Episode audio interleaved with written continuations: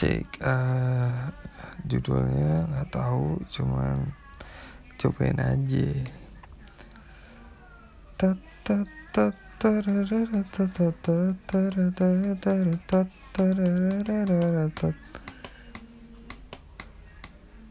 Hidup adalah sebuah perjalanan yang panjang banget dalam hidup banyak rintangan, cobaan, serta kegagalan yang menghiasi setiap perjalanan manusia. Hidup tidaklah mudah. Kita manusia pasti akan dihadapi dengan berbagai macam cobaan. Dari yang mudah, susah, maupun yang membuat kita hampir menyerah. Namun, semua itu memang adalah proses dalam kehidupan. Tapi dalam agama saya diajarkan bahwa Tuhan tidak akan memberikan cobaan uh, yang hambanya sendiri tidak kuat menghadapinya. Tuhan memang terdengar agak kejam memberikan cobaan kepada manusia yang notabene lemah dan Tuhan adalah maha kuasa. Namun itulah Tuhan. Ia dapat melakukan apa saja yang dikendakinya. Namun jangan benci terhadap Tuhan. Mengapa? Karena itu adalah salah satu percobaan uh, yang Tuhan berikan kepada kita untuk menaikkan derajat martabat atau apalah itu dalam kehidupan kita. Dan dalam kegagalan pasti banyak pelajaran yang didapat. Mungkin itu juga salah satu alasan Tuhan memberikan cobaan kepada manusianya kepada ciptaannya kita sebagai manusia. Percobaan datang silih berganti. Aku pun merasakannya. Kadang ingin menyerah ataupun aku juga ingin merasakan ingin mati. Itu kalau menurutku itu adalah suatu hal yang normal. Terkadang kita berada di titik poin paling uh, lemah kita dan berpikiran negatif seperti itu menurutku itu wajar. Namun kita perlu ingat bahwa hidup adalah perjalanan yang panjang. Memang rasanya itu sangat benci uh, sebal dan lain sebagainya. Aku tahu. Namun kita sebagai manusia haruslah bersabar. Apalagi ya? Oh tentang cinta. Cinta memang uh, suatu perasaan yang menurutku aneh. Kenapa aneh? Karena cinta terkadang muncul begitu saja dan kadang juga hilang begitu saja. Cinta ini bagaikan satu hal yang goib, tidak ada bentuknya, tidak ada wujudnya, namun kita dapat merasakannya. Ia bisa menghilang begitu saja dan hadir begitu saja. Ketika seseorang manusia datang kepada kita. rasa cinta itu unik.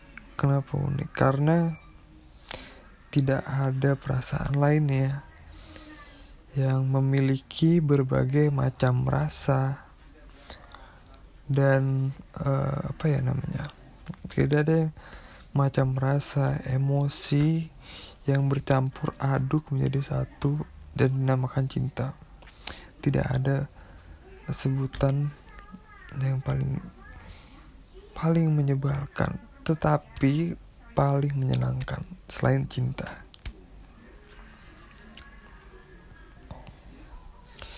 Uh, aku masih 19 tahun umurnya sekarang. Aku diberikan banyak cobaan dari sang Tuhan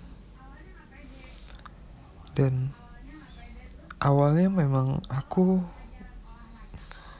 merasa itu adalah suatu beban dan juga merasa Tuhan itu tidak adil. Mengapa hanya aku yang merasakan sakit?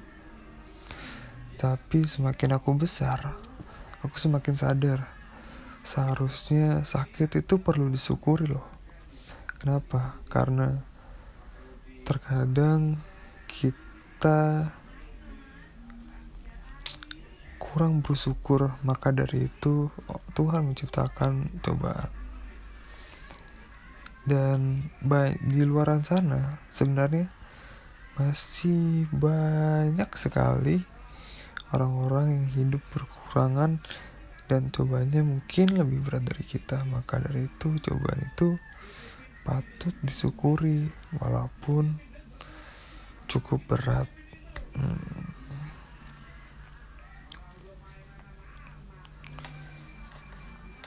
seperti itu uh, oh ya Dulu waktu kecil aku itu sempat banyak bertanya kepada Tuhan. Bertanya bagaimana orang bunuh diri yang ya meninggal pula atas kehendak Tuhan.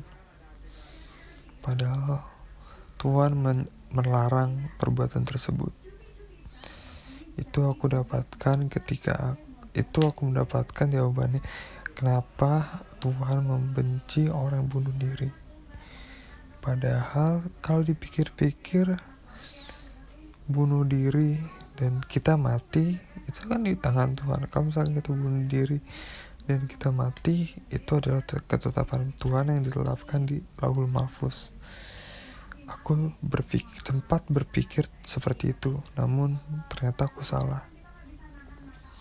Sebenarnya Tuhan itu tidak meridoi, namun Tuhan membolehkan. Aku mendapatkan jawaban ini saat aku duduk di bangku kuliah dan diajari seorang guru agama yang menurutku sangat bagus ia mengajarkan ilmu yang cukup membuatku tertarik dengan pembelajaran agama. Ia sampaikan dengan pesan dengan mudah dan mudah dicerna dan dengan ilustrasi yang dekat dengan kehidupan kita.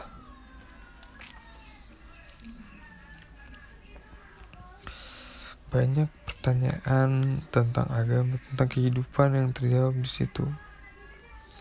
Aku bersyukur dapat menemui guru yang seperti itu karena ia menjelaskan materi dengan baik dan juga memberikan pemahaman yang cukup dapat dimengerti, tidak menimbulkan fitnah, lalu menyebarkan fitnah ataupun mengajak kepada yang hal-hal ekstremis lainnya. Lalu kita bahas apa ya malam ini? Bahas apresiasi karya. Aku sebenarnya bukanlah anak berbakat, bukan.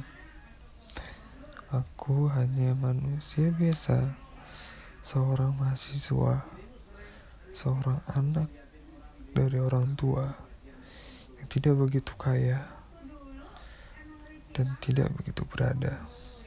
Tapi aku memiliki keluarga yang begitu sayang kepadaku yang banyak berkorban kepada aku agar aku dapat berdiri sampai sekarang. Namun manusia itu kadang lucu ya.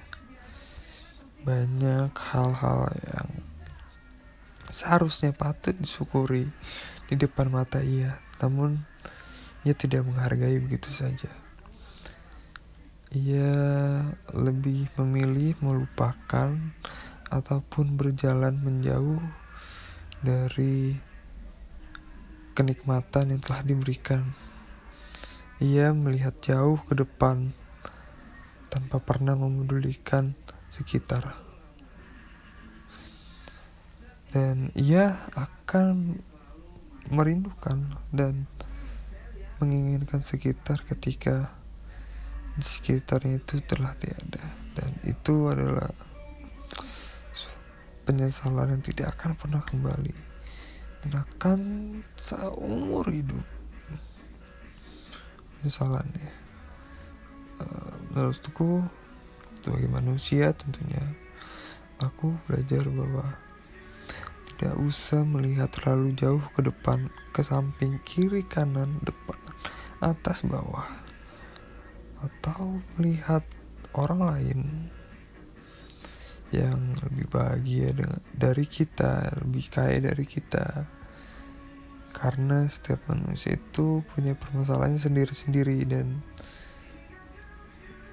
mereka biasanya lebih suka menutupinya agar terlihat bahagia, akur dan juga uh, tidak menjauhi masalah. Menurutku sebagai manusia harusnya mensyukuri hal dari yang kecil-kecil dulu yang dari sekitar kita dulu. Seperti uh, keluarga yang baik terus juga kita dapat menghirup oksigen yang gratis uh, kesehatan dan lain sebagainya. Kita harus mensyukuri itu semua karena seperti seperti pepatah bilang, gajah di depan mata tidak kelihatan, tapi semut di seberang lautan pasti kelihatan. Nah, peribahasa itu sangatlah bagus. Kenapa? Karena menyadarkan kita terkadang hal yang di depan mata kita itu memang tidak terlalu tidak kelihatan dan lebih uh, menutupi jalan dan membutakan. Di situ kita harus dapat membuka mata kita dengan lebar dan merasakan sekitar. Itu adalah pelajaran dari patah lama di Indonesia yang menurutku sangatlah menarik. Ya udah, malam ini curhatnya cukup sekian. Ngalor ngidul ke sana kemari, tumpang tindih pernyataan tapi tidak mengapa, karena ini hanya curhatan pribadi. Terima kasih, sampai jumpa besok hari.